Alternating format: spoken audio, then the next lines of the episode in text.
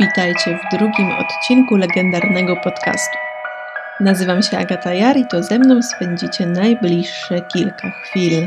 Dziś zajmiemy się tematem bardzo aktualnym, bo co może być bardziej na miejscu w grudniu niż mówienie o dniu, w którym wszyscy dostają prezenty. Kwintesencją tego miesiąca jest właśnie taki dzień. O czym mowa? Mikołajki. Mikołajki to nic innego jak święto na cześć świętego Mikołaja. Według słownika języka polskiego jest to zwyczaj obdarowywania się drobnymi prezentami w Dzień Świętego Mikołaja przypadającego 6 grudnia.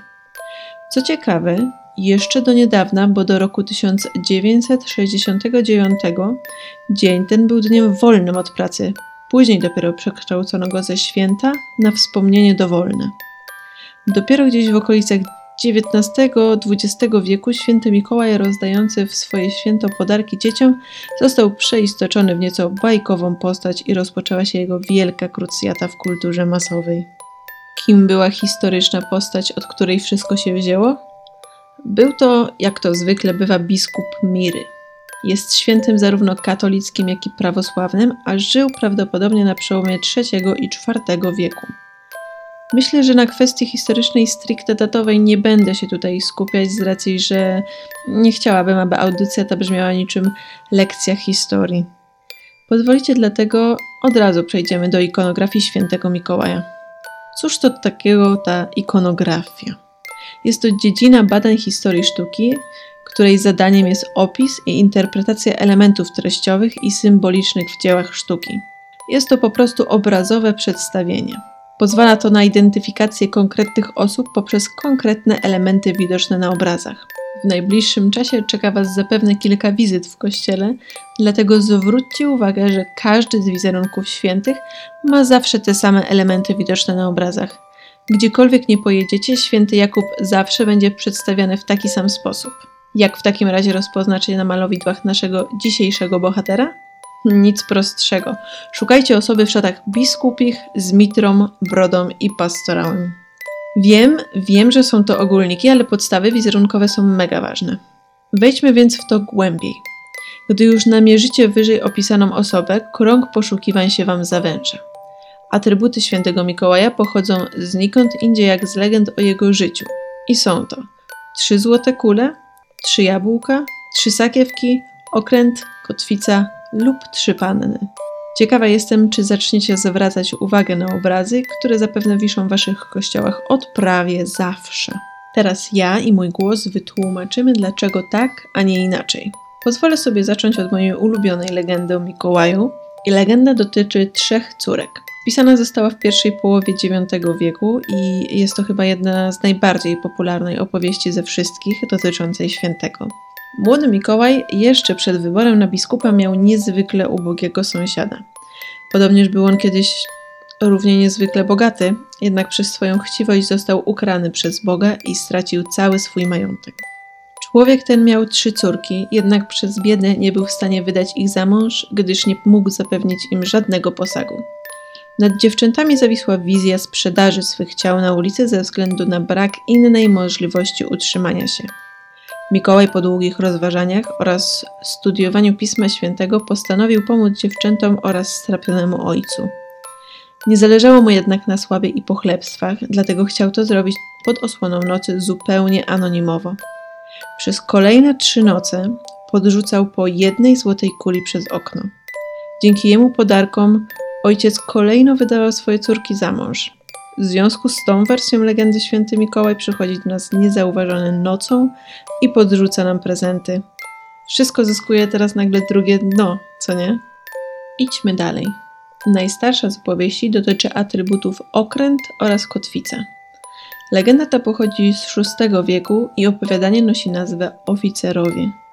Jest to niezwykle krótka historia o skazanych na śmierć żołnierzach oraz ich uratowaniu. Cesarz Konstantyn wysłał morzem do Konstantynopola wojsko, aby stłumić bunt we Frygii. Oddziały wylądowały w porcie niedaleko Miry, gdzie żołnierze splądrowali całe miasto. Po opanowaniu zamieszek, lokalny prefekt Eustachios skazał na śmierć trzech żołnierzy. W ostatniej chwili egzekucję powstrzymał Mikołaj, który poświadczył za niewinność skazanych. Po zakończonej zwycięstwem kampanii w Konstantynopolu oficerowie zostali oskarżeni o nadużycia. Cesarz Konstantyn skazał ich na śmierć. W nocy przed egzekucją oficerowie błagali w modlitwach o pomoc świętego Mikołaja. Biskup ukazał się we śnie cesarzowi i przekonał go o niewinności skazanych i wskazał prawdziwych winowajców. Rano, przed obliczem senatu, oficerowie zostali uniewinnieni i wysłani do Miry z bogatymi darami. Kolejne elementy obrazu świętego nie mają już przed wami tajemnic. Idzie nam lepiej niż myśleliście, co? Przed nami ostatnie z przygotowanych przeze mnie dziś legend. Nie są zbyt długie, dlatego możemy połączyć ją w jedną. Żeglarze i zboże. Pierwsza opowiada o żeglarzach, którzy podczas sztormu, gdy ich statek zaczął tonąć, wzywali pomocy Mikołaja. Biskup pojawił się na statku, wydobił go z topieli, nakazał uciszyć się wiatrowi, a potem zniknął. Żeglarze dopłynęli do portu, dotarli do Miry, gdzie w kościele dziękowali Mikołajowi. Ten nakazał im milczenie i skłonił do zmiany obyczajów. Druga natomiast opowiada o czasach, gdy panował wielki głód i dotyczy zboża. Mikołaj ukazał się we śnie kapitanowi statku, który płynął z Aleksandrii do Konstantynopola i skłonił go do zawinięcia do, po, do portu w Andriake. Tam wyładowano na ląd 100 korców zboża, które rozdzielono między głodujących mieszkańców Miry. Gdy statek dopłynął do Konstantynopola, okazało się, że w ładunku niczego nie brakuje. Nie kojarzy wam się to z przypowieścią o rybach i chlebie, które rozmnożył na pustyni Jezus? Jeśli chodzi o historyczną postać świętego Mikołaja, to już wszystko, co dla Was przygotowałam. Wszystkie legendy zostały o nim powiedziane. Mam nadzieję, że nie zanudziłam Was na śmierć i nie macie ochoty wyrzucić mnie ze swoim telefonem lub komputerem za okno. Jednak to jeszcze nie wszystko, czego się dziś ode mnie dowiecie. Skoro znacie już całe tło Mikołajek, czas na kilka ciekawostek o samym dniu, który tak bardzo lubimy. U naszych południowych sąsiadów Czechów Dzieci wywieszają skarpety w ramach okiennych na noc z 5 na 6 grudnia. Austriackie maluchy kładły natomiast buty na parapecie. W XVI wieku na Wyspach Brytyjskich pojawił się zwyczaj wynoszenia dyrektora ze szkoły i przyjmowania władzy przez uczniów. Stało się tak, gdyż biskup Mikołaj stał się biskupem dziecięcym. W niektórych miastach nawet istniał zwyczaj wybierania wśród najmłodszych mieszkańców dziecięcego biskupa, który symbolicznie przejmował władzę. W XVIII wieku dzieci z pewnością nie dostawały prezentów z hipermarketów. Wówczas Powiedzmy na topie były jabłka, złocone orzechy, pierniki i drewniane krzyżyki. Legenda głosi, że Mikołaj zaglądał w okienka i sprawdzał, czy dzieci mają wyczyszczone buty. Jeśli tak było, zostawiał upominek. Jeżeli jednak buty były brudne, na domowników czekała kara. Zamiast upominku czekał zgniły ziemniak lub rózga. W średniowiecznej Polsce w kościołach w tym dniu pojawiały się skrzynki, gdzie wierni wrzucali jałmużnę. Zebrane pieniądze zostawały wtedy przekazywane jako posagi dla najbiedniejszych dziewcząt z parafii. W Polsce bardzo długo kultura ludowa kojarzyła świętego Mikołaja z wizerunkiem dobrego świętego opiekującego się pasterzami, chroniąc ich przed wilkami. 6 grudnia rolnicy i pasterze zachowywali post i modlili się z prośbami o przychylność. Wieczorami natomiast rozpalano ogniska i składano ofiary zwane wilkami ale nie były to zwierzęta, były to po prostu wieńce z konopi i lnu. Gospodarze z regionu ziemi chełmskiej mieli zwyczaj nazywany zatykaniem wiech na łąkach. Polegało to na wtykaniu w łąki suchych gałązek z ozdobnymi wstążeczkami, następnie zapędzano przy ich pomocy do zagród bydło i mówiono, że to właśnie święty Mikołaj bije krowy po to, by nie chorowały w następnym roku. Profesor Roman Rajfus w jednej z audycji na temat Mikołajek wspomina jeszcze, że typowo polskim elementem tego święta było wypiekanie bułeczek w postaci diabła lub pierniczkowych Mikołajów. Zwyczaj ten zaczął zanikać wraz ze zmniejszaniem się ilości prywatnych przedsiębiorstw w okresie PRL. Obecnie takie smakołyki możecie spotkać jedynie w mniejszych miejscowościach. Pamiętam czasy, kiedy byłam jeszcze grzeczniejsza i Mikołaj odwiedzał mnie 6 grudnia, i właśnie wtedy trzeba było wyczyścić buty i wybrać najładniejsze, takie najbardziej odświętne. Postawić je koło łóżka. Oczywiście, jak wcześniej zostało wspomniane, do brudnych Mikołaj nic by nie wrzucił. To było całkiem oczywiste. Ciekawa jestem, jak wyglądało to u Was, lub nadal wygląda, jeśli, jeśli nadal jesteście grzeczni i przychodzi do Was święty Mikołaj. Ciekawe jest również to, że wyraz Mikołajki piszemy małymi literami, tak samo jak Andrzejki czy Walentynki. Duże zarezerwowane są tylko i wyłącznie dla świąt takich jak na przykład Barburka. Nie wiem dlaczego, ale było to dla mnie y, wielkim zaskoczeniem, kiedy się dowiedziałam. Niby zasada ortograficzna jest logiczna i znana, ale Mikołajki jakoś zawsze klasyfikowałam chyba w bardziej podniosłej świątecznej atmosferze. Przejdźmy więc y, do już ostatniego punktu naszego, naszego dzisiejszego spotkania.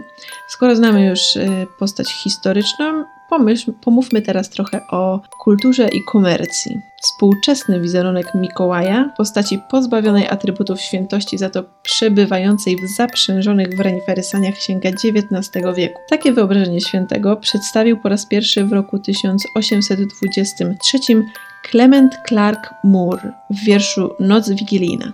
Natomiast pierwszy współczesny portret Mikołaja jest dziełem amerykańskiego karykaturzysty Thomasa Nasta, który 1 stycznia 1881 roku na łamach Harper's Weekly opublikował serię ilustracji świętego Mikołaja rozdającego prezenty żołnierzom biorącym udział w wojnie secesyjnej. Obrazy te są dziś e, częścią domeny publicznej i można z nich korzystać w dowolny sposób. Nie jest więc prawdą, że świętego Mikołaja wymyślił koncern Coca-Cola, choć to właśnie ten amerykański producent napojów skomercjalizował wizerunek Mikołaja i po dziś dzień wykorzystuje go w świątecznych kampaniach reklamowych. Pierwsza z nich pojawiła się w 1930 roku i była dziełem amerykańskiego artysty Freda Mizena, który narysował Mikołaja pociągającego łyk coli z butelki. Rok później nowy wizerunek świętego Mikołaja przygotował także na zlecenie Coca-Coli Haddon Sandblom. I to właśnie ta wizja do dziś towarzyszy firmie i jej produktom. Jest objęta ochroną prawną autorską. Przez lata postać Mikołaja w reklamach Coca-Coli wcielał się jeden aktor, zmarły w 2014 roku John Moore. Co ciekawe, kilka lat temu największy konkurent Coca-Coli, firma Pepsi, nakłoniła Mura na zrobienie dowcipu swojemu wieloletniemu pracodawcy. Aktor zagrał w reklamie Mikołaja na letnich wakacji, który poza pracą sięga po Pepsi.